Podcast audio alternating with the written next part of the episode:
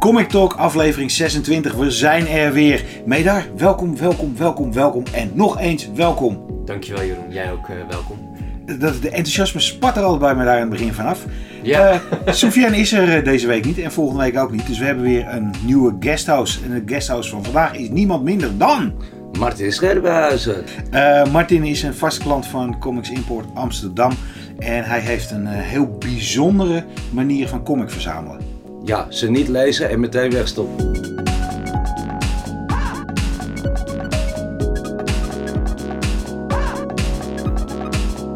Zo, uh, waarom, waarom, waarom doe je dat? Uh, tijdtekort, maar ook om ze mooi te houden.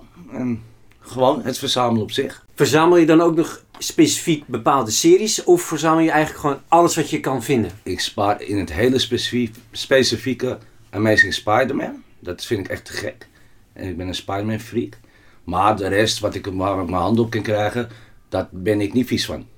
Maar dat weet je natuurlijk niet of het te gek is. Want je leest je nooit. nee, dat klopt, dat klopt. Maar de voorkant is zo mooi. En dan hebben, kunnen we te maken hebben met iemand die de Kindred Saga helemaal te gek vond op basis van de covers. Oh, lucky you. Precies. Vorige week ging uh, Hawkeye première. Twee afleveringen met Disney+. Plus. Dus deze aflevering staat in het teken van Hawkeye. Niet alleen bespreken we wat we allemaal alle drie van de eerste twee afleveringen vonden. Meedaar had ook een interview met niemand minder dan... Marieke Nijkamp, de schrijver van de nieuwste Hawkeye comic-serie bij Marvel. En uh, als jij denkt, hè, is er een nieuwe Hawkeye-serie bij Marvel? Die is toch niet verschenen? Dat klopt, want... Papierschaarste uh, helaas. Hij is wel digitaal uitgekomen, moet ik zeggen. Maar de fysieke exemplaar uh, ja, laat nog even op zich wachten, helaas. Hé hey Jeroen, ik miste dus die, uh, die Hawkeye, want ik keek ernaar uit. Ik dacht ook, zeg maar, voorbereiding op het interview. En dan niks. Maar dat was niet het enige wat je miste, want je miste ook de nieuwe X-Men. Ja. Je miste de Iron Man en Captain America. Je miste uh, Spidey. Spidey, Spidey natuurlijk. En zo kunnen we nog uh, Inferno. Ja, ja, dat doet wel uh, pijn. Ja, jongens, uh, papierproblemen gaat, uh, gaat de comicindustrie nek hoor. Als dit nu al in één week gebeurt, dan hou ik me hard vast wat er straks in januari, februari gaat gebeuren. Misschien wel geen comics. Ah, man. Ja, lees achterstanden bijwerken, blijf ik maar zeggen. Of oude comics inleveren en recyclen. Of je back-issue bin leeghalen die je nog gedipt hebt. Oh, jij bent een dipper. nee jongens, het is echt uh, het is gigantisch balen. Ik uh, keek erg uit naar Inferno. Ik ook. En ik keek erg uit naar Hawkeye. Ja, zoals ik al zei, ik heb hem uiteindelijk maar digitaal gekocht. Uh, wat me uiteindelijk meer geld heeft gekost dan de fysieke. Ja, maar je kan het bonnetje inleveren op comictalk.nl hè? Oh, oké. Okay. uh, daar doen, doen we niet moeilijk over. Trekken we de belasting gewoon vanaf. Ik ben benieuwd naar het interview. Maar laten we beginnen, traditioneel, met de Moetje Hebbens. Yes. Martin, jij als gast. Nou, ik, je mag aftrappen. Nou, om te beginnen, het zal niemand verbazen. Amazing Spider-Man nummer 80. Yeah. Want je vond de cover mooi. Nou ja, ik heb de cover nog niet eens gezien, maar uh, hij moet in de collectie, dus uh, ik zit erop te wachten. Hé hey, Martin, uh, Amazing Spider-Man heeft altijd twee, drie covers. Klopt. kies jij dan de cover uit die je het mooist vindt of neem je ze alle drie? I take all. Kijk. nou, Hardcore. Dit, dit, wordt een hele snelle aflevering voor Moet je hebben, zoals dit zo doorgaat. Ik hoop dat jij iets meer uh, diepte hier brengt. Ja, nou, dat uh, ga ik uh, proberen. onlangs ehm, heb ik een hele toffe nieuwe DC-serie gelezen. En dat is The Human Target door Tom King en, en Greg Smallwood. En het, is, uh, ja, het deed mij ergens een beetje denken aan het uh, werk van Darwin Cook op Parker. Dus het heeft een beetje 50s retro-stijl. Uh, met heel veel misdaad. En het is weer een, ja, zoals Tom King eigenlijk altijd doet, een heel erg karaktergedreven, ja, episch drama. ik geloof dat het weer 12 nummers worden. Correct. En ja, visueel is het ook gewoon tot in de puntjes verzorgd. Dit is gewoon eigenlijk ja, ik durf het bijna niet te zeggen, maar misschien gewoon een voorbeeld van hoe een comic perfect kan zijn. Daar heb je helemaal gelijk in. En ik denk dat je dit kan vergelijken in de tijd dat Bendis samen met Bagley op Ultimate Spider-Man zat. Zo. Het was, die waren zo goed gegeld met elkaar. De, de woorden en de tekeningen werden een soort symbosen en waar, je iets, waar iets heel tofs uitkwam. Dus ja, ik heb deze, ik heb deze ook gelezen. En nou heb ik Tom King sinds zijn Batman run heel, heel erg hoog zitten. Daarvoor Sheriff of Babylon, een van de allerbeste uh, DC Vertigo comics uh, van, de, van de moderne tijd. eh, die man die kan gewoon heel, is een hele goede verhalenverteller. Ja, Zonder dat hij te veel uitlegt. Dialogen voelen echt aan. En Smallwoods tekeningen, eh, echt een, eh, ik werd daar heel blij van. ja ik ook. Ik, eh, ik, ik ik had hem eigenlijk het eerste nummer wel verwacht van het zal wel goed zijn. Maar toen ik hem las, dacht ik van oké, dit is zeg maar, nog een treetje hoger dan ik had eh, durven dromen. Dus moet je hebben. Jeroen, Eh, ik ga voor King of Spies, nieuwe image serie. door wie is die eh, gemaakt? Door Matteo Scalera. Bij jullie allemaal bekend natuurlijk. En geschreven door Mark Miller. Of Millar, hoe heet die beste man tegenwoordig? Mark Millar met, Millar. met een A. En een A. Eh, ik heb een eh, softspot voor Mark Millar. Wat hij neer heeft gezet met Kick-Ass, dat vond ik zo te gek. En dat daar dan zo op voor, voorgebeduurd kan, eh, kan worden. Hij is, heeft nu het grootste gedeelte van zijn rechten naar zijn vrienden van Netflix verkocht. Want de eerste was niet zo'n groot succes. Jupiter's Legacy. Heb je hem gezien? Nee, ik was het wel van plan. Eh, maar ik, ik ben sowieso eh, best wel moeilijk met series kijken, omdat ik het een flinke tijdsinvestering eh, vind. En als ik dan vervolgens overal om me heen hoor dat het niks is, dan denk ik, eh, oké, dan, dan ga ik wel iets kijken wat ik echt wil zien, waarvan ik bijna garantie heb dat het goed is. Kan je wel wat missen. En dan heb je, ik ga toch meer voor je eigen smaak in plaats van wat andere mensen zeggen. I know, I Maar know. in dit geval heb je geen missen gehad. Jeroen, ik heb een sluitvraag voor je. Ehm Kick-Ass, wat vond je van de films? Ja, de, de, de- dat is heel mooi dat je dat zegt, want daar gaan we het straks ook met Hawkeye over hebben. Ik ben van mening dat een comic en een film twee aparte media zijn. En de comic hoeft niet te lijken op de film. Ik vond de films, vond ze alle twee eh, lekkere actiefilms, zoals ik John Wick ook de gekke actiefilms vond. Heb, heb je dan ook nog verwachtingen van Hit Girl? Ik moet, heel, ik moet heel stiekem zeggen, het verhaal van Hit Girl is eigenlijk veel toffer dan het verhaal van Kick-Ass. Dat is een meisje die door een beroepsmoordenaar is opgevoed. Eh, de beroepsmoordenaar eh, gaat dood. Eh, en zij trekt de hele wereld trekt rond, rond. Image heeft het heel mooi gedaan door elke keer een miniserie voor vier issues te doen. Ik geloof dat ze in Tokio zat, in Hollywood, in Zuid-Amerika. Dat zijn comics die vooral gericht zijn op actie. En eh, verhaal is niet zo belangrijk. maar het- ja, leuk. Ik, eh, ik eh, koop een kaartje, gegarandeerd. Ik ben ook benieuwd. Ja, ik vond die eerste Kick-Ass film vond ik echt super fris destijds. Ja. En heel vermakelijk. Hij was iets tammer dan de comic, maar nog wel trouw genoeg dat je kon zeggen, ja, het is een goede verfilming vond ik dat. Ik heb de review heb ik geschreven destijds, voor, ik geloof voor IGN of voor een andere waar ik vroeger voor heb gewerkt. En eh, daar, daar noemde ik hem Spider-Man op steroids. Oh, wauw. Maar eh, King of Spies, ja, Matteo is gewoon een waanzinnig goede tekenaar. De cover is heel stylistisch. Ik ga het niet, niks verraden, ga hem gewoon bekijken. En het verhaal is eh, de werelds meest bekende geheime agent. Hij heeft nog maar zes maanden te leven. En hij wil niet doodgaan heel stil in een ziekenhuisbed. Dus hij gaat alle dingen die hij fout heeft gedaan, probeert hij in zes maanden recht te zetten. Pitch, die Image heeft gezegd, is een action-adventure story that's part spy thriller, part revenge rampage. James Bond meets John Wick. Bij elke andere blurb die ik zie, denk, dan denk ik van, nah, dat zal wel meevallen. Maar als ik Mark Miller en eh Millar, sorry, Mark Millar en eh Matteo Scalera zie, dan denk ik van, ja, dat gaat lukken. Dat denk ik ook. Martin, Eh, de volgende die ik op mijn lijstje heb staan, ik ga hem even husselen. Een DC-comic. Hey. En dat is eh, Gotham City Anniversary Giant nummer 1 van Margarita Savage. Ik hoop dat ik het goed zei. En deze comic ga ik wat dieper op in. Deze comic koop ik niet voor mezelf. Deze comic koop ik niet om te lezen. Deze comic koop ik voor mijn vrouw. Ah, Kijk. wat lief. En dit omdat de cover, eh, ik heb hem gezien, echt wel heel erg mooi is. En of het verhaal mooi is, Dat Ik- zal je nooit weten. dat zal ik nooit gaan weten. Maar Martin, jouw vrouw, eh, ik ken jullie toevallig allebei omdat jullie klant bij zijn. Eh, wat ik heel mooi met jouw vrouw vind, dat is ook geen comiclezer, maar is ook een fanatieke coververzamelaar. Want die gaat puur op, eh, ziet het voorkantje er, er tof uit. En nog wel meer dan dat jij dat doet volgens mij. Dat klopt helemaal. En mijn vrouw die is erg fan van Scotty Hill. Het is een, eigenlijk een Disney fan. Die heb ik gelokt met Disney comics om over te stappen naar de Amerikaanse comics in zijn geheel. En ja, het wordt steeds meer. eh, alle koffies die ze mooi vindt, eh, die nou ja, gewoon eigenlijk zeer aantrekkelijk zijn voor het oog. Die wil ze hebben. En het liefst ook nog een beetje de limited eh, dingetjes. Maar daar, Mijn oog viel eh, deze week ook op Nightwing 2021 Annual Number 1. Eh, geschreven door het vaste schrijver van de huidige Nightwing-serie Tom Taylor. Zijn run vind ik tot nu toe erg tof. Behalve de paar delen Future State. Want die haalde eigenlijk het hele momentum van die serie eh, naar beneden. En daar kwam ook nog eens bij, waar gaat dit over?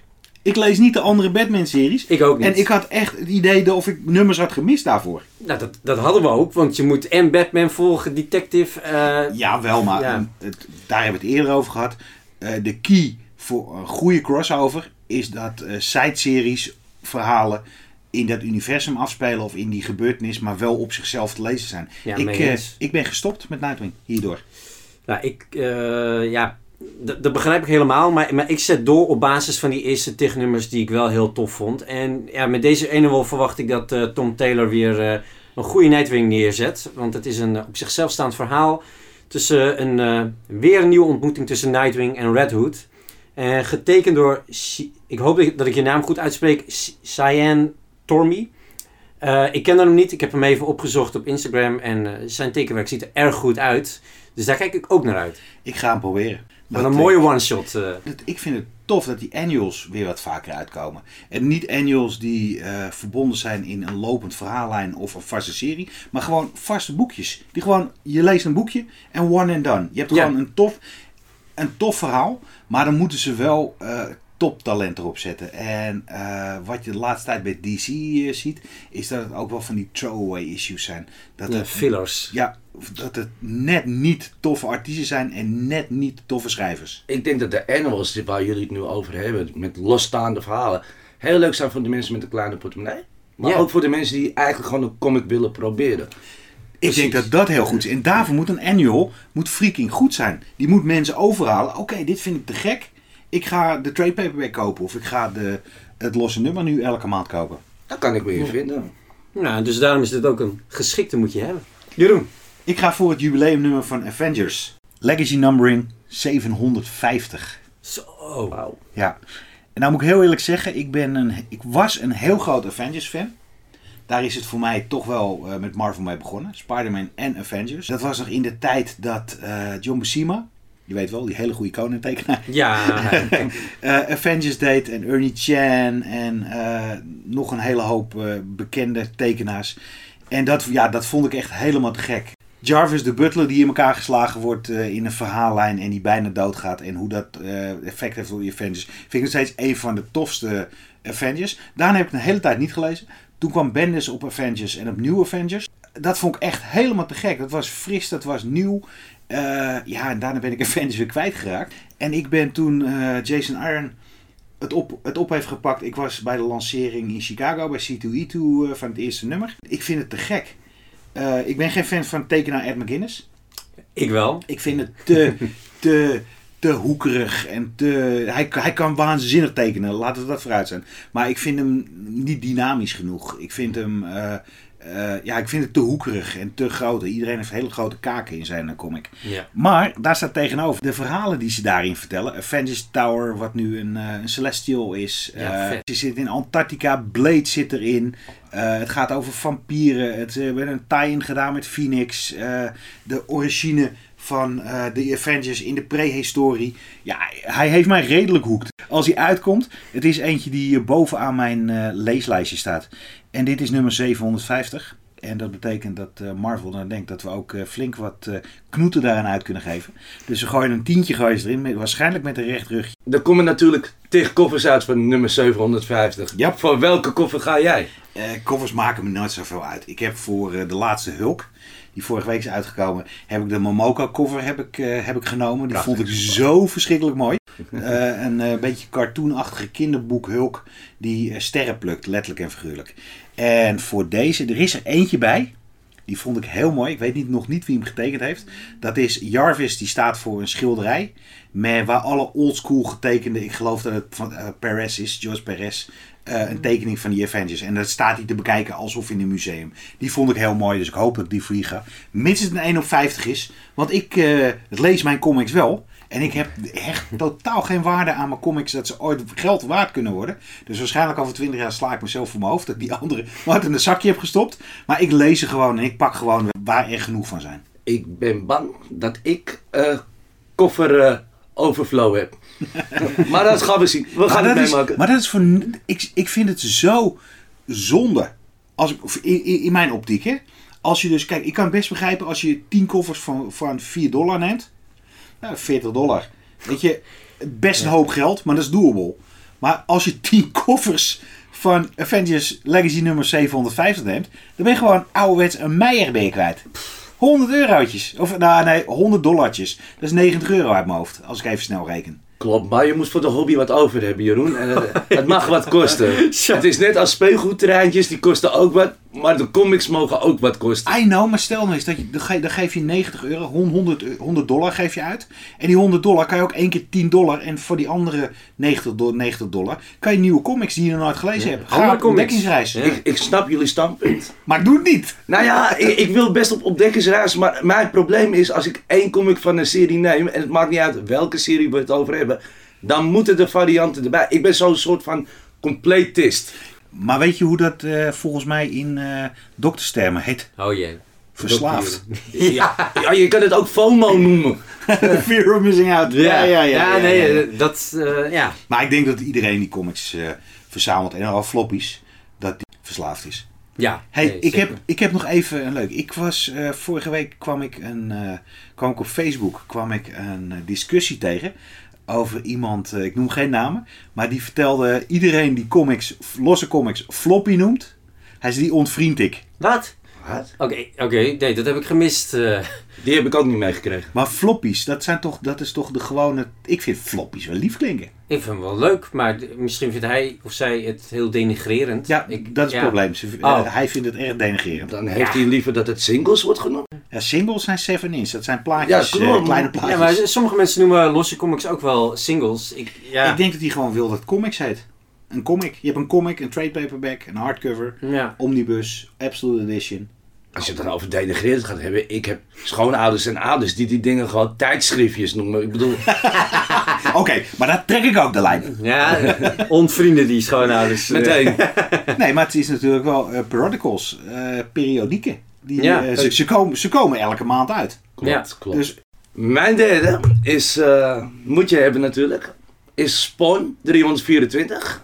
leuk. Nou, hartstikke leuk. Ik weet dat Jeroen een ontzettende fan is van al de Spawn-series die op dit moment lopen. Ja, dat zal je verbazen, Martin, maar daarover straks meer. Maar ik heb eh, een aardige reeks Spawn. Ik ben ooit geïnterviewd door Jeroen over Spawn. Dus ik ben toch echt wel een Spawn-verzamelaar. Voor deze podcast, en daar zit je nu in. Hoe meta is dat? Ja, ik bedoel, ik heb gewoon een, een déjà vu. En eh, ja, nou, deze comic kan daar natuurlijk niet ontbreken. Ik moet jullie allemaal eerlijk bekennen, ik noem drie comics op. Ik weet er eigenlijk helemaal niks over. Maar ik moet ze hebben. En zijn gewoon moet je hebben. Dus ik, deze mag je gewoon niet missen. Ik eh, moet heel eerlijk zeggen, ik ben een paar maanden geleden weer begonnen met Spawn. Todd McFarlane kan nog steeds niet schrijven. Hij legt nog steeds veel te veel uit. Maar ik vind het wel heel tof. En Gunslinger Spawn is gewoon echt een modder vette serie. Maar die schrijft hij niet helemaal, toch? Gun- Gunslinger. Nee, ik geloof het niet. Maar eh, Dat hij, scheelt. Eh, hij doet wel volgens mij het grote verhaal. En de grote ballonnetjes eh, zie ik ook een paar keer in terugkomen. Mm. Maar ik, eh, dit 2021 gaat de geschiedenis in als het jaar dat Jeroen Spawn herontdekte. Wauw. Dus dan worden wij conculega's. Nou, nee, want ik pak gewoon de cover die, voor, die voor, ervoor staat. Het maakt me echt helemaal niks uit. En ik moet ook heel eerlijk zeggen dat het ook te maken heeft met sympathie. De man rekent nog steeds 2,99 voor een boekje. En daar zit een hardback cover zit erin. Netjes. Waar DC 4,95 voor rekent. Ja. En dan is het niet zo erg om die variantjes te kopen. In dit geval niet. Dan sluit ik hem af met een eh, voor mij enigszins onverwachte eh, titel. Ik hou eh, namelijk niet zo heel erg van crossovers over het algemeen. Meestal sla ik ze over. Eh, vooral bij Marvel en DC. Maar nu komt er eentje die is wat kleiner in schaal. En ik moet hem echt hebben. Het is Devil's Reign. Eh, en waarom moet ik hem hebben? Nou, ik hou sowieso van Daredevil. Eh, vooral van de huidige run door Chip Zdarsky en Marco Cettetto. Blijft een eh, lastige achternaam. Maar ja, het, het team doet weer wat samen. Uh, is er een tijdje uitgelegen. Ik denk in voorbereiding op deze miniserie van zes delen. En het is het Marvel-universum, Kingpin, Daredevil, noem maar op. Ja, ik ben hier gewoon ontzettend benieuwd naar. Ik weet in ieder geval dat het leuk geschreven gaat worden en fantastisch getekend. En eh, ja, met Daredevil, eh, moet het wel goed zijn. Kijk er erg naar uit. Maar daar heb jij blinde liefde voor Daredevil. Nou, niet helemaal blind, want er zijn... Ik, ik heb, wil eigenlijk nog wat toevoegen aan jullie. Eh, hè, om heel eerlijk te zijn heb ik wel een echte moedje hebben, maar hij komt niet volgende week uit. Nou, en ik, denk, maar. ik denk dat Jeroen al een beetje weet welke kant ik op ga. Het is Stray Dogs Dog Days. En daar zit ik echt met smart op te wachten. Want die lees je wel. Nou, die heb ik wel gelezen, maar Kijk. ik moet ook eerlijk bekennen, ze zijn niet voor mijzelf. Ze zijn voor je vrouw. Ze zijn voor mijn vrouw, ja. Echt en eh, een, eh, Disney-like. Ja. De My Little Pony. Ja, ja. De bedenkers, en- bedenker en schrijver van de My Little Pony comic.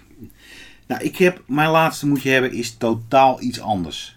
We hebben twee weken geleden over horrorcomics gehad. En toen liet ik weten dat ik geen groot voorstander van horrorcomics was. Maar eh, er komt volgende week eh, komt van mijn favoriete uitgeverij EWA Upshot. Komt eh, het de tweede deel van Hell. Of Hotel met twee L'en. John Lees en Dalibor Talic. Dalibor eh, ben ik erg fan van. Klare lijnen, eh, duidelijk, ja, echt heel tof. Ik eh, ben benieuwd. Hij heeft Punisher heeft hij gedaan voor Marvel. En het zou volgens mij een hele goede Spider-Man tekenaar zijn. Maar het toffe hiermee is, dit gaat over, dit zijn vijf verschillende verhalen. En die hebben niks met elkaar te maken. Er wordt in elk deeltje komt één verhaal. Maar als je ze allemaal bij elkaar leest, hebben ze alles met elkaar te maken. Het gaat over een hotel Pier- Pierrot Courts. En dat is een eh, motel eh, ergens, in, eh, ergens langs een snelweg in Amerika. In een woestijn. En dat is de plek waar verloren zielen of voor de laatste keer met de duivel strijden. Mm, er komt een nummer bij me opzetten. Een muzieknummer. Je hebt het over een hotel. Je hebt het over verloren zielen. Hotel California. You can check in, but you can never leave. Dat waren de moet je hebbens. Eh, In totaal negen boekjes die iedereen moet hebben. Dus eh, ren naar je comiczaak en hou je vingers gekruist dat er geen pa papiertekorten zijn. Dat ze daadwerkelijk verschijnen. Voordat we het over de Disney Plus serie Hawkeye gaan hebben, doen wij natuurlijk eerst een deep dive in het karakter Hawkeye. En dat doen we door middel van professor Dr. Anders Medaar. Die ons college geeft over niemand minder dan Clint Barton Hawkeye. Nou, dit wordt een quick and dirty deep dive. Eh, om te beginnen met een eh, eerste moetje hebben qua Hawkeye. Dat is natuurlijk Tales of Suspense 57. Dat is zijn first appearance. En als ik het dan nu over Hawkeye heb, heb ik het over Clint Barton.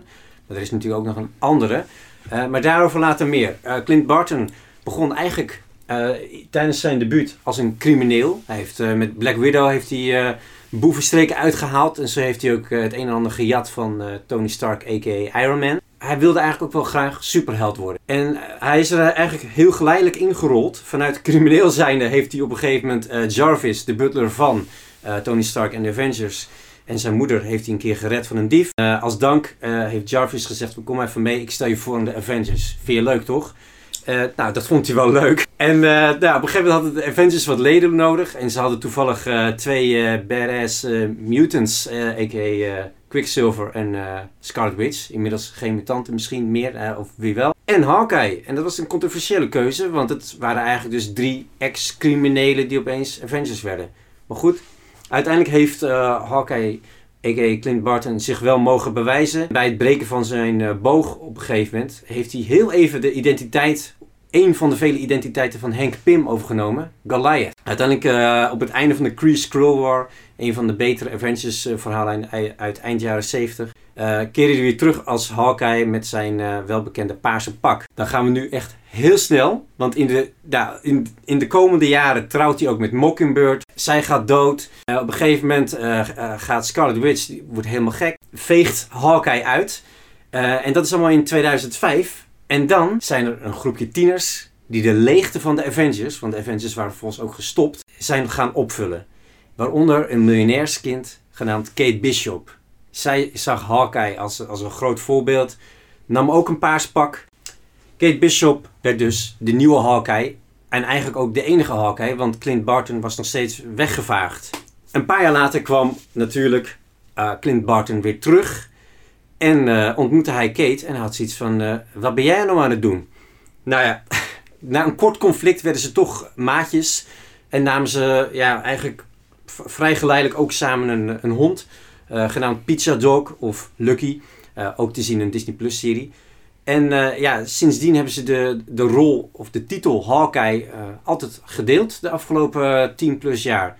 En ja, soms opereert Kate vanuit eh, Californië, de West Coast. En Clint uit New York. Of hij neemt een paar maanden vakantie. Maar ja, het is een samenwerking en een vriendschap die toch vrij uniek en bijzonder is.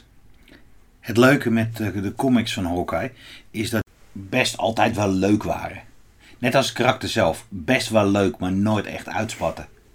Mee eens, Jeroen. Hoewel, ik, het was wel vaak mijn favoriete Avenger. Omdat hij altijd net een beetje bij de hand was en een buitenbeentje. Maar hij... eh, Ja, het, het was het vaak net niet. En ook de paar solo miniseries die hij in de jaren 80 en 90 had... waren allemaal van, ja, wel oké. Toen kwam in 2012 met Fraction en David Aya met een serie Hawkeye. Ja. En laten we, als we in comic canon gaan praten. Dit is een van, de, een van de series waar we over een jaartje of 20, 30. als een van de beste Hawkeye-series en misschien wel Marvel-series ooit. Nou, ik zou zelfs willen zeggen dat het een van mijn favoriete superhelden-series ooit is. Ik heb deze toevallig wel gelezen. Heel goed, heel goed. En eh, ik denk dat deze serie toch echt wel Hawkeye in de picture heeft gezet als een goed karakter. Na 24, 25 nummers was de koek op. En introduceerde Marvel Hawkeye opnieuw als de all-new Hawkeye. Geschreven door Jeff Lemire en Ramon Perez. En ik kan je één ding vertellen. Dat is een van de meest ondergewaardeerde Hawkeye-series die er is. Een hele hoop fans hebben hem links laten liggen. Omdat die Aya-run en Fraction zo verschrikkelijk goed was. Maar dit is echt qua art. Het is totaal anders dan eh, wat daarvoor was. Maar dit was gewoon echt hartstikke goed. Ik- vond die, die tekenwerk ook fantastisch. En eh, voor de flashbacks heeft eh Perez een soort eh, met ecoline-achtige werk gemaakt. Dus dat vond ik fantastisch werk. En ook juist omdat het zo anders was dan Asia, dacht ik, eh, dat is juist een hele slimme keuze. Want je wilt, dat ga je niet evenaren of overtreffen. Dus pak, doe het gewoon heel anders. Ja, het is Alleen- een super slimme keuze. Alleen Ja. het is commercieel niet geen slimme keuze. Want al die mensen die on the bandwagon zijn gesprongen voor 25 nummers, verwachten dat je het zelf die minimalistische, actiegedreven stijl van eh, eh, de, de Aya-series eh, kreeg. En je kreeg echt met ecoline en flashbacks en een heel moeilijk en heftig verhaal. Ja, fantastisch, maar super ondergewaardeerd. Dus ga dit lezen. Jeroen, hoeveel issues waren die eh al nieuw Hawkeye? Want ik heb een paar delen, maar toen kreeg ik een kind. Dus Ik denk dat er een, eh, uit mijn hoofd, een, er zijn twee trade paperbacks van, verschenen uit mijn hoofd. Dus ik denk dat zes nummer, vijf, zes nummers per keer, 10, 12 nummers. Denk ik. Ja, zoiets, ja. Dus het is haalbaar om compleet te krijgen. Ja. Ja. Maar dan ben je nog niet helemaal compleet. Want in 2016 eh, kwam eh, Kelly Thompson met een nieuwe Hawkeye-serie. Alleen speelde Kate hier in de hoofdrol. En dat was zo'n verschrikkelijk frisse serie weer. Het speelde zich af on the West Coast, Los Angeles. Ja, ik vond het echt helemaal te gek. En ik heb ze digitaal gekocht onlangs. En ik heb de eerste van All New Hawkeye trade paperback heb ik gelezen. En ik ben halverwege de Kate Bishop Hawkeye. En dat zijn gewoon hele leuke, frisse, nieuwe comics. Ik denk nu bij Marvel, eh, elke serie wordt eigenlijk eh, om de zoveel tijd herstart. En ik denk dat je daardoor heel veel lezers mist. Want mensen springen erop als het goed is. Het wordt herstart en ze springen eraf. Want ja, weer opnieuw. Maar ik denk dat juist nieuwe lezers erbij krijgen. Ik denk zodra je eh, in je comiczaak bent en je bent, geen, je bent niet zo'n comiclezer als ons of ons publiek. Je vindt het leuk om wel eens een stripboek te lezen. En je ziet een eh, C, nummer 750 van Avengers erin staan. Wat een vervolg is van al een serie die vier nummers loopt. En je hebt 750, je valt dus midden in een verhaal. Dan ga je dat niet oppakken. Maar als jij een nieuw nummer 1 ziet, met een bekend karakter, met een goed artteam, met goed geschreven, dan pak je het op en denk je, hey, tof. En dan kunnen ze die back-issues digitaal kunnen ze lezen, kunnen ze kopen, of misschien wel fysiek. Maar ik denk dat het juist heel goed is dat je van tijd... Ik vind het vreselijk, dat, eh met daarvoor vind ik die legacy numbering. Ja, Van Marvel ben ik erg fan van. Maar ik denk dat het juist goed is dat ze, dat ze van tijd tot tijd een flinke herstart doen. Dat vind ik ook een fijne verandering. Want eerst was het dan nummer 1, nummer 2, nummer 3, et cetera. En dan raakte je eigenlijk in je hele run de draad kwijt. Nu met die legacy nummer is het te volgen. Alleen ja, inderdaad, het, het trekt de lezers. Maar ik denk dat het, als het minder goed getekend is, minder goed verhaal, dat het oude lezers afstoot. Maar ik denk, ja, maar ik denk als iets minder goed getekend is, dat het iedereen afstoot. Ja, on- ongeacht het nummertje inderdaad. eh. Ja, het is met Ja. mensen die de films nu kijken natuurlijk zo. Die worden getrokken door de films naar de comics. En daar hebben jullie het ook al eerder over gehad. Ja, maar dat is niet zo, Martin. Nee, toch Ik niet? denk, ik, er is, ik heb in de, in de comiczaak, kom je, je, tuurlijk, je komt ze wel eens tegen. Maar het is niet zo dat mensen die Shang-Chi hebben gezien, ineens heel veel interesse in Shang-Chi hebben. De mensen die comics sparen en die speculeren, die hebben van tevoren heel erg veel interesse. En bottom line is, iedereen moet gewoon goede, goede issues uitgeven. Ja, dat is het belangrijkste, ongeacht het nummertje. Behalve de nummers die eh, de prijs eh, indiceren natuurlijk. We hebben de comics van Hawkeye hebben we een beetje gecoverd. Vorige week hebben we Hawkeye 1 en 2 hebben we gezien. Zal ik hem erin gooien voor jou als eerste? Nou, ga jij maar eens eerst. Ik vond het helemaal fantastisch. Vaste luisteraars weten, ik ben niet zwaar onder de indruk geweest van wat Marvel televisieseries eh, tot en met nu toe heeft gepresteerd. Ze beginnen allemaal heel erg goed, maar aflevering 2 begint het al af te brokkelen. De enige uitzondering daarvan was eh, de Winter Soldier. En het toffe daarmee was dat het Lethal Weapon was. Het was gewoon een bodycup movie. En paste niet helemaal in Marvel, maar heb ik wel erg van genoten. Eh, andere series, de Loki's, de WandaVision. allemaal, allemaal vond het hartstikke leuk, maar allemaal tegen het einde ik echt zoiets, ja jongens, ik, waar, welke kant gaan jullie op? Enige uitzondering het einde van Loki met Kang vond ik wel Ja. fantastisch. Maar ik heb nog niet gehad dat ik eh, naar een serie zit te kijken en dat vanaf het eerste moment dat het me erin trekt. Ik vond eh, eh, de, de, de musical, we gaan ervan uit dat iedereen hem gezien heeft. En als je hem niet gezien hebt, dan moet je hem nu even een minuut of tien vooruitspoelen. Want we gaan, we doen niet aan spoilers, maar we gaan wel wat verder kadering gaan vertellen. 1, 2, 3. Zijn jullie weg? Ja? Tot straks dan. ik vond de, de musical insteek vond ik helemaal te gek. Dit was echt, ik zat echt te kijken. Ik ben geen musical fan. Maar dit was een musical waar ik heen zou gaan hoor. Ik vond hem echt aanstekelijk, leuk gedaan. Ik vond eh, Clint Barton vond ik echt fantastisch. Eh, die jongen heeft gewoon eh, post- post-traumatic stress disorder. Omdat hij zijn beste vriendin heeft moeten laten gaan. En die is toen, dood, die is toen naar het dood gevallen. Ik vond hem heel erg goed. Hij wil gewoon huisvader zijn. En hij wordt ineens door Ronin, wordt hij, voor het Ronin pak, belandt hij weer in de superheldenbusiness. Wat ik er heel sterk aan vond, is dat hij eigenlijk niet wil. En de hybride die ze gemaakt hebben tussen de comics, eh, de David Aya run en de films. Want eh, ja, ik vond het echt heel erg mooi gedaan.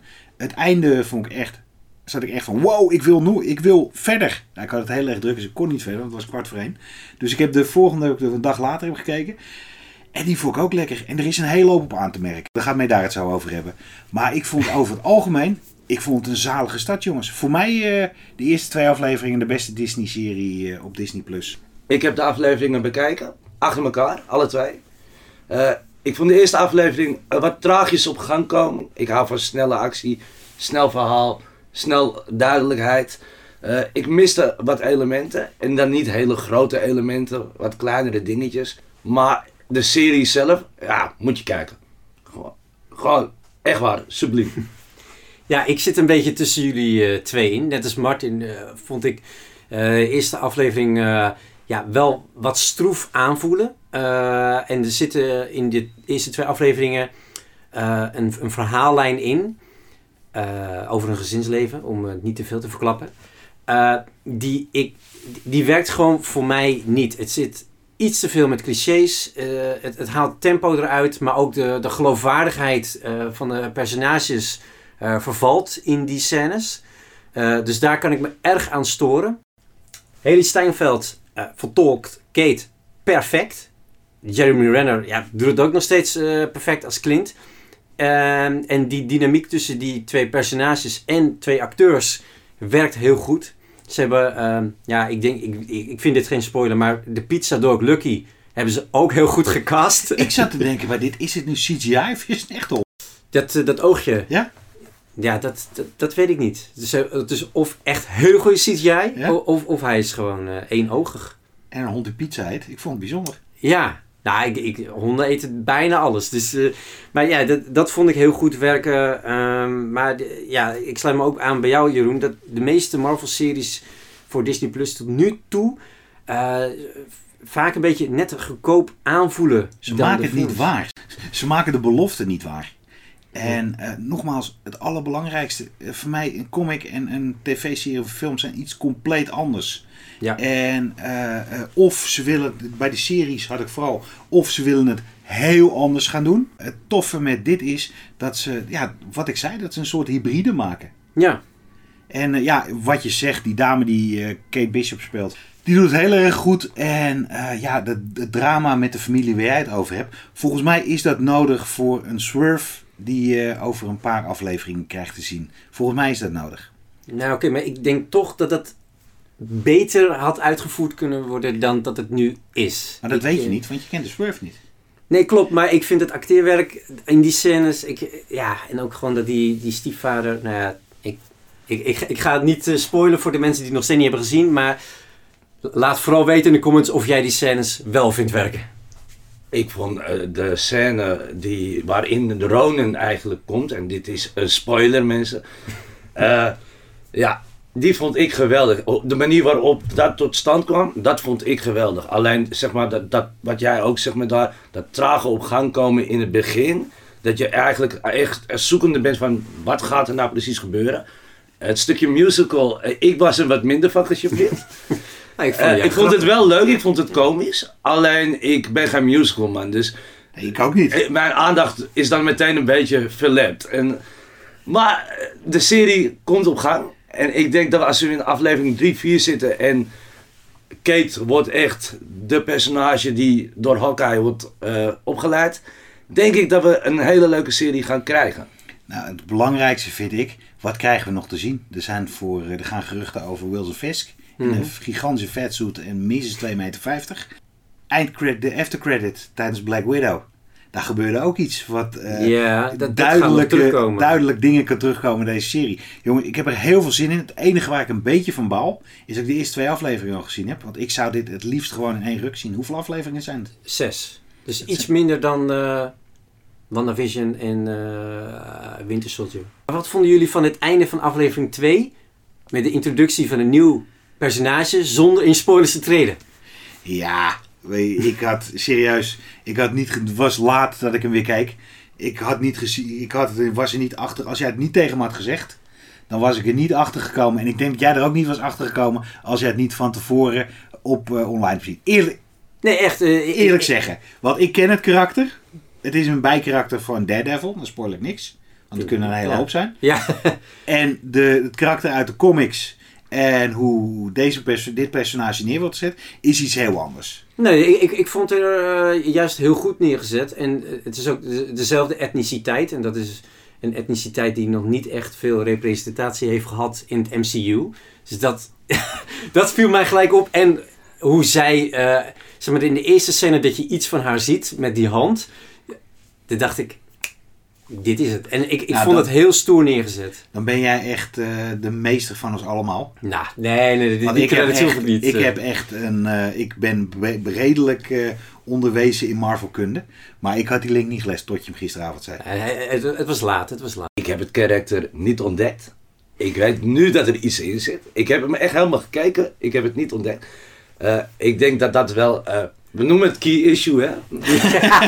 een key issue in comics. Jongens, dit was eh, onze korte discussie eh, over eh, Hawkeye. De eerste twee afleveringen. Als hij zo goed blijft, stel ik wel voor een special te doen. En dan wat mensen uit te nodigen en dan een Hawkeye viewing party. Terwijl we live gaan podcasten. Ja, tof. Heel tof. Zijn jullie al moe van Hawkeye? Luisteraars. Denk je al, Hawkeye, get verdemmen jongens. Ik heb de serie gezien. Ik heb het geouwe hoe van jullie gehoord. ik wil nu gewoon Spider-Man lezen. Dan heb ik slecht nieuws voor jullie. Want we gaan nog even door. En speciaal voor deze Hawkeye-aflevering hebben we een interview geregeld met Marieke Nijkamp, de huidige schrijver van de nieuwe Hawkeye Kate Bishop-serie.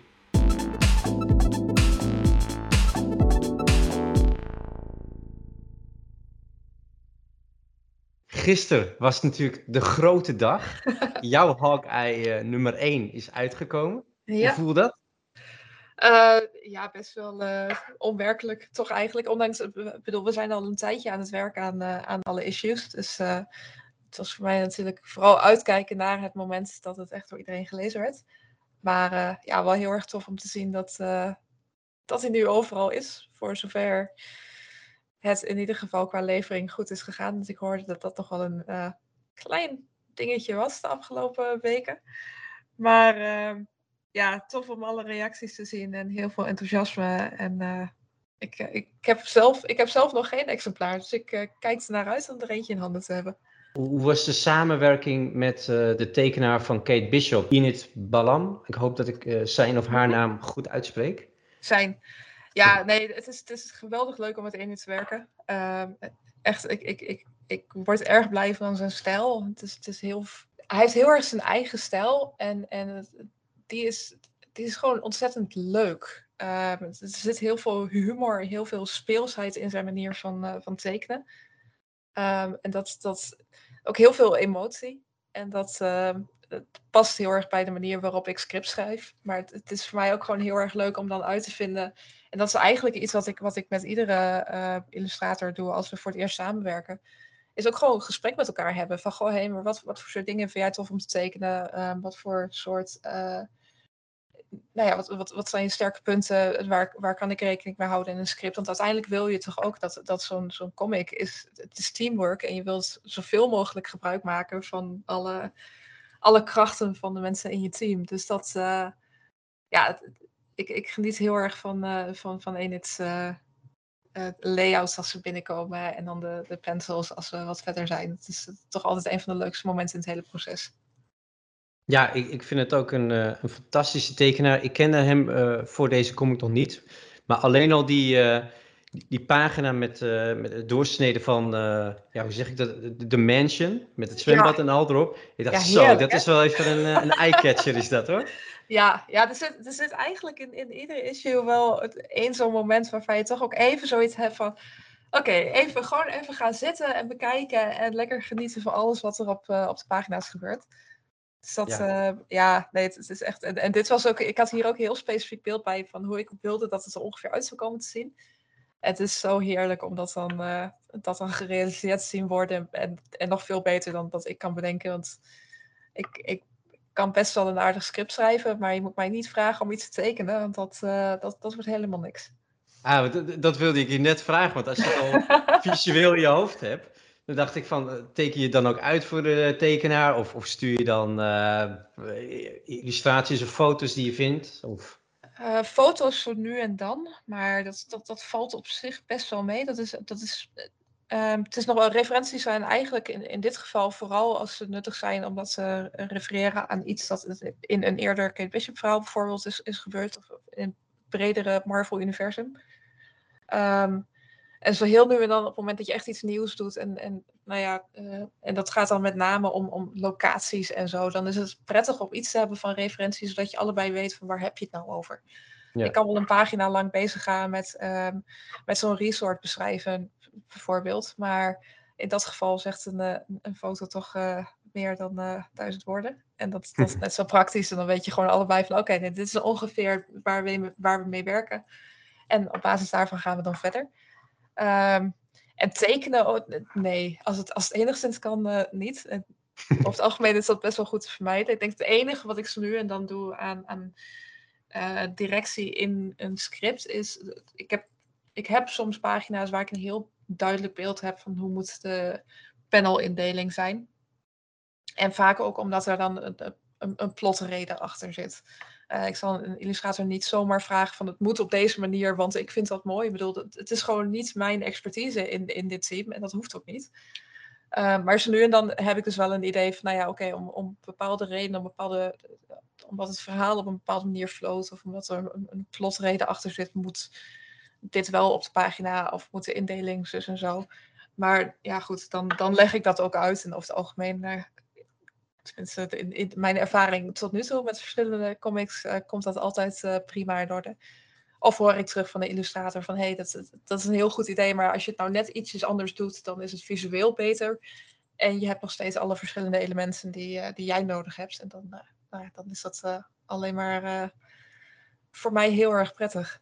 Wat ik me ook eigenlijk afvroeg, want je bent, eh, volgens mij mag ik wel zeggen, een vrij grote young adult schrijver. Met de mm -hmm. New York uh, Times bestseller onder andere. Dus, uh, maar, maar wat, wat, wat, vind, wat is volgens jou het grootste verschil tussen het schrijven van een boek en een comic? Ehm, ik, nou ja, het zit natuurlijk gewoon de, de, de technische kant. Eh, een script schrijven is, is, is heel anders dan een, eh, een, een manuscript schrijven. In de zin van, eh, ik, ik kan een heleboel dingen beschrijven die nooit pagina zullen halen en dat is prima. Ehm, dus ja, een script is, is eigenlijk een soort eerste stap voor een comic. En wat je uiteindelijk als comic leest, daar zijn mijn woorden maar een heel klein onderdeel van. En alle rest wat ik doe is, is meer een soort ja, brief aan eh, directie aan de, de, de, de, illustrator en de, de colorist en de letterer en, en al die eh, geweldige mensen. Ehm, dus het, het, het vraagt sowieso technisch gezien om een heel andere manier van schrijven. Maar ik denk dat het voornaamste in het proces toch wel is dat het eh, een veel directere vorm van samenwerking is. In de zin dat als ik met een boek bezig ben, eh, en dat, dat is soms ook heerlijk, dan kan ik drie maanden lang met een boek bezig zijn voordat iemand anders er überhaupt wat van ziet. En tegen de tijd dat ze er wat van zien, dan is het al, eh, tenminste als het gaat om bijvoorbeeld mijn redacteur, ja, dan, heb ik vaak al wel proeflezers gehad om eens mee te kijken. Dan ben ik vaak al aan het redigeren geweest. En daar zit heel veel solitair werk in. Ehm, en en het, het samenwerken komt pas bij de volgende stap. En als het om comics gaat, is, eigenlijk de, is die samenwerking de basis. Ja. En dat, ehm, ja, ik vind het heerlijk. Ik vind het vooral ook heerlijk om, om die beide elementen te kunnen afwisselen. Ik, ik, ik kan ook hele andere dingen putten uit, eh, uit, uit boeken en uit comics. Ehm, maar ik denk dat dat, dat, dat zeker voor, eh, voor andere eh, schrijvers die eh, in eerste instantie vanuit een, een, boekachtergrond komen, best wel eens een, een uitdaging is. Omdat je veel eerder dingen moet loslaten. Veel eerder, ook in, in veel ehm, ruwer stadium eigenlijk, stadium teksten laat zien. En ja, dat, dat, het, heeft gewoon, de tekst heeft gewoon een heel andere functie daarin. En, en dat verhaal, dat, dat is niet alleen, zeker niet alleen mijn verhaal, dat is, dat is wat we samen creëren. Wat, mij eh, ook opviel aan jouw eh comicdebuut, DC's eh The Oracle Code, dat jij eigenlijk gelijk heel goed voor een comic schrijft. Dus, dus je weet wanneer je als, als schrijver een soort van stapje terug moet nemen en de, de tekenaar het verhaal laat dragen. En wanneer je dus eigenlijk met tekst ja, het benodigde toevoegt. En, en jij komt vanuit eh, ja, de boekenwereld, dus jij werkt normaal, normaliter ook alleen met tekst. Ja, Hoe, hoe heb je eh, geleerd om voor een comic te schrijven en dus af en toe een, een stapje terug te doen en minder te schrijven voor de pagina? Eh, goh, dat, is- dat, dat is een goede vraag. Leuk om te horen trouwens. Ik denk dat, dat het eigenlijk niet, niet een heel erg bewuste learning curve was, maar meer. Ja, ik weet niet. Ik, ik begon dat eerste script met schrijven en het voelde eigenlijk direct al heel erg vertrouwd. En dat zal er deels mee te maken hebben dat ik al van jongs af aan veel comics lees. En dan, dan heb ik het als, als jonge lezer dan vooral over zeg maar, Nederlandse Belgische strips en, en alles wat er uit Frankrijk vertaald is. Dus wel een, duidelijk ander soort comics dan de, de superheldenverhalen van Ameri- vanuit Amerika. Maar goed, die, die ben ik ook al op een gegeven moment gaan lezen. Dus ik, ik was al wel erg bekend met eh, comics als, eh, als medium. Ehm, en, en in die zin denk ik de, de comics geletterdheid zat er ook al wel in. Het scheelt ook dat behoorlijk veel van mijn vrienden of comics schrijven of eh, illustreren. En met name van de illustratoren had ik ook al wel eens nu en dan horrorverhalen gehoord van eh, hoe weinig aandacht er soms is voor, voor goede illustraties en, en, en hoeveel, op, op heel veel manieren eigenlijk als een soort ehm, voor de hand liggend genomen wordt. Als, als lezer begrijp ik, begrijp ik dat al niet helemaal. Maar ik had zoiets van, nou ja, op het moment dat ik dit dan, dat ik hier dan als onderdeel van een team ga uitmaken, dit als comicschrijver ga doen, dan wil ik dus ook niet in, die, in diezelfde val trappen. En eh, dan, dan wil ik me gewoon bewust zijn van hoe kan ik dit op de best mogelijke manier doen. Zowel als, als schrijver, maar ook als, als teamlid. Dus ik denk dat dat, dat, dat, dat, dat dat er heel erg bewust in zat. En dan ga je sowieso benaderen je script al anders. Het, het is zo fijn om een script sturen en dan een- een aantal, eh, enige tijd later, eh, je, je inbox te openen en dan allerlei layouts en illustraties en, en character designs en zo te hebben. En dat tot leven te zien worden gebracht. Ik bedoel, dat is waarom ik het onderdeel ben van zo'n team. Waarom ik graag comics wil schrijven. Dus het, het, daar geen ruimte voor geven, dat, dat zou eigenlijk nooit bij me opgekomen zijn. Je, je gaf ook aan dat je uh, eigenlijk al van jongs af aan comics en of strips las. Zoals wat? En hoe, hoe ben je ermee in aanmerking gekomen? Nou ja, sowieso de bibliotheek. en, en ja, weet je, hè, Suske en Wiske en Donald Duck lees je op jonge leeftijd. Dus dat, dat, dat, is eigenlijk altijd al een soort, soort onderdeel geweest van, uh, van, mijn, van mijn leesdieet. Om het maar op die manier te benoemen. Mijn lokale bibliotheek in, in nou ja, waar heb je het dan over, laat jaren negentig en zo. Die had een, een hele eclectische collectie van comics, van, van, zeg maar, van, van strips dan, van random uh, exemplaren van ElfQuest tot uh, een heleboel.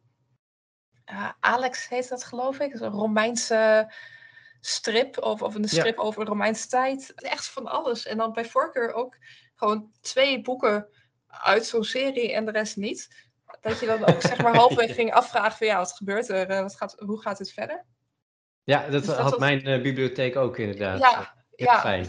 Echt, echt heel erg leuk. Dat je gewoon ook bij voorkeur middenin zo'n story arc plotseling ophoudt en met geen mogelijkheid het volgende deel kunt vinden, maar wel drie delen later dan nog een keer een, uh, een, een, extra exemplaar. Ja, en, en, en dan op een gegeven moment, hè, van, van de jaren negentig, krijg je ook uh, de, de geweldige, tenminste waar, waar, ik de sprong maakt heb gemaakt naar comics was uh, door, door X-Men, de animated series, en uh, Batman, de animated series.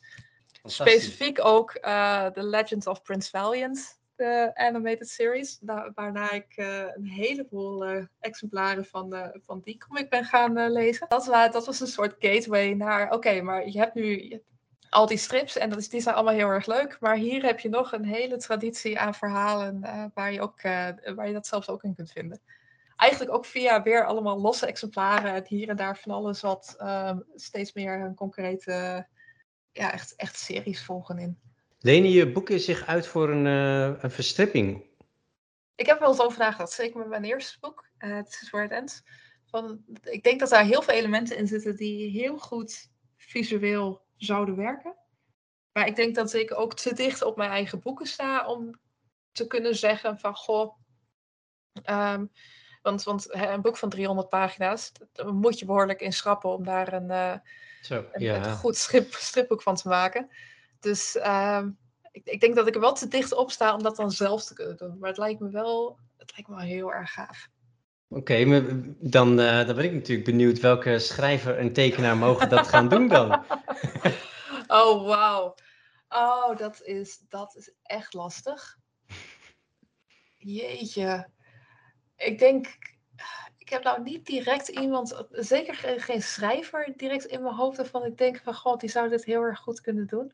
Ik, ik, ik vind bij dat soort projecten het juist ook heel erg leuk om te kijken van nou ja, maar kun je dan inderdaad een, een, een nieuwere schrijver vinden die daarmee aan de slag kan of, of uh, ruimte bieden voor een, een, een illustrator die uh, misschien nog niet uh, een hele reeks boeken op, op zijn naam heeft staan. Ook daarbij denk ik eerlijk gezegd ook dat het een heel goed idee is als ik er niet al te dicht op sta.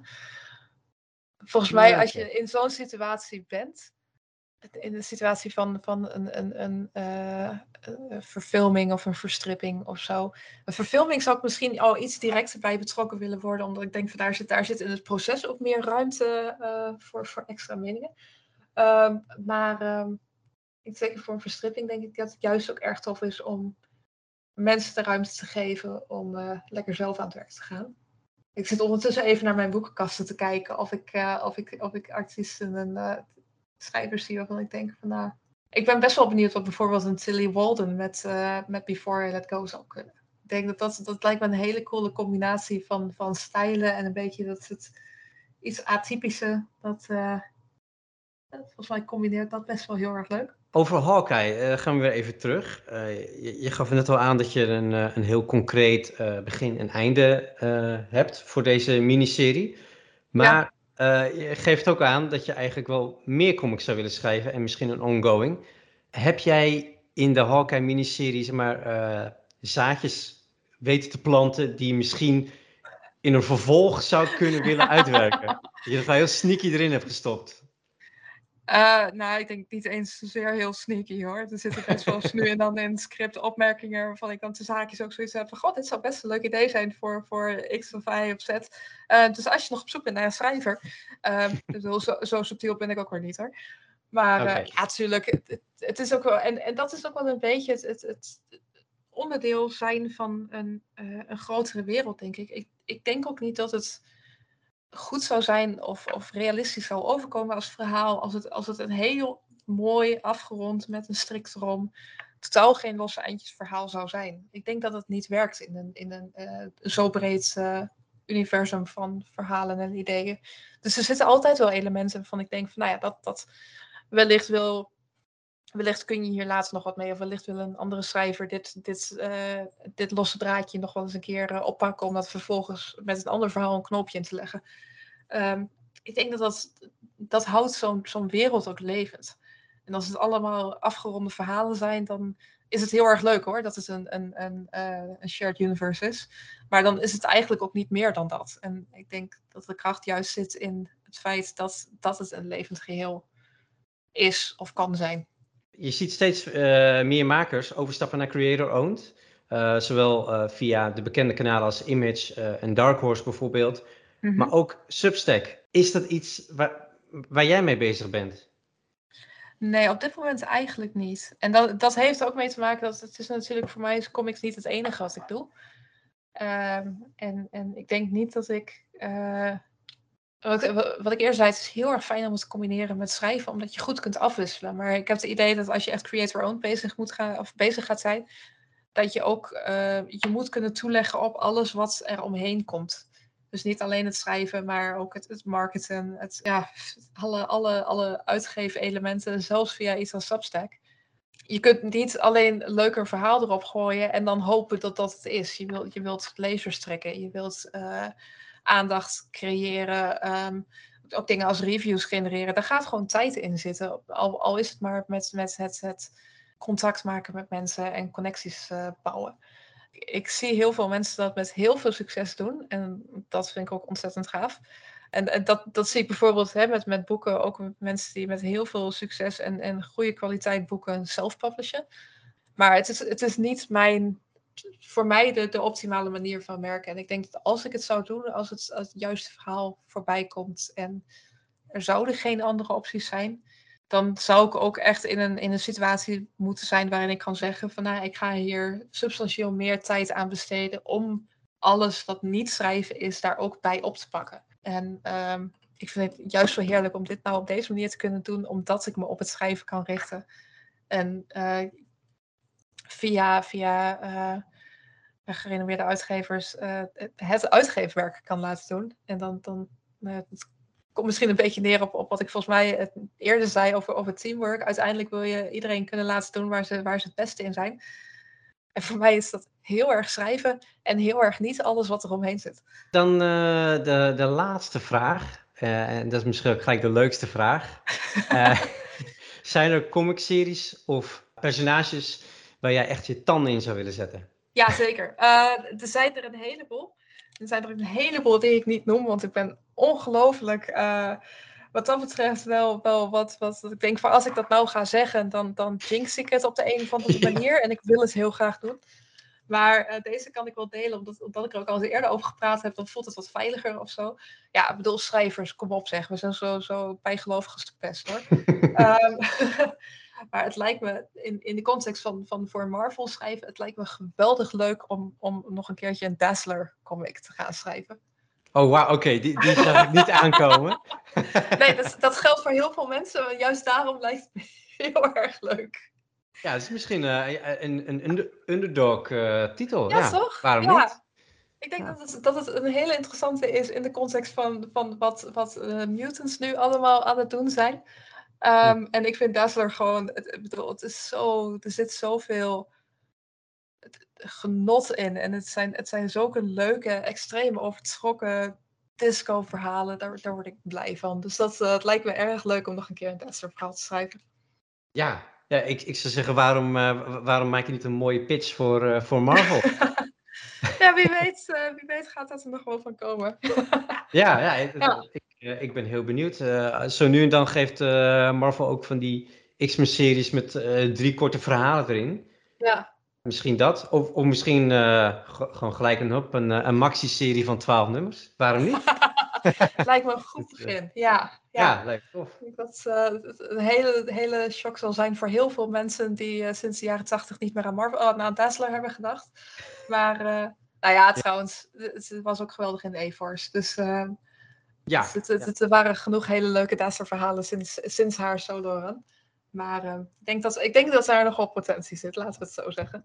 ja, nee, en dat- ja, wat ik dat zeg, ben het ik zijn, met je eens. ja, hè? Ja, En er zijn nog best wel heel veel meer verhalen en, en ideeën en werelden waar ik graag eh, in zou willen spelen. Maar eh, ja, eh, eens even kijken of dat, eh, of dat wat zou worden. Eventueel, misschien hoop ik. In ieder geval, ik wil het graag genoeg dat ik het net niet hardop durf te zeggen, zeg maar, dat idee. oké. Ja, dan, eh, fingers crossed eh, Ja, precies. dat er iets uitkomt. Dan eh, wil ik je enorm bedanken voor eh, dit interview in jouw tijd. Ja, graag gedaan. Hartstikke leuk. Jongens, aflevering 26 van Comic Talk NL is een feit. Ik wil Martin bedanken voor je aanwezigheid, je discussies en je rare insteek dat je geen comics leest. gaan, we, gaan we na de uitzending nog eh, even verder over praten. Medaar, bedankt voor jouw professor, Hoed, Ja, jouw interview en jouw aanwezigheid als Comic. Talk collega. Nou, ik wil jou natuurlijk ook bedanken als host en eh, het beschikbaar stellen van je cave. Eh Marieke bedank ik nogmaals voor het fantastische interview. En we hebben natuurlijk nog een paar andere bedankjes. Martin, waar haal jij nou je comics elke week? Dat is een hele mooie. CIA Comics Amsterdam. Comic Import Amsterdam. Om het helemaal volledig te maken. De goedkoopste en de best gevulde van Europa. Klopt helemaal. En dan heb je natuurlijk, als je van lekkere thee houdt, dan is er maar één plek op de wereld waar je moet zijn. Dat is op de Jan Eeftenstraat in Amsterdam. Het heet Tees Tea Bar. En eh, ja, als je er nog nooit bent geweest, ga daar ZSM verandering in brengen. En als laatste geven we natuurlijk een shout-out met een hele grote thank you, high five, box of wat dan ook naar Jouk Fris voor de muzikale inlijsting. Of zoals eh Soever zegt, de tunes. Jongens, tot volgende week, aflevering 27. We gaan er iets moois van maken. Geniet hiervan. Vergeet niet te reageren. Vergeet niet lid te worden op ons Instagram kanaal. Ons Facebook kanaal voor eh, Behind the Scenes. We hebben weer leuke filmpjes opgenomen. Schrijf een review. Geef ons 5 sterren. Dankjewel, tot volgende week. Dag! Dag. Hoi.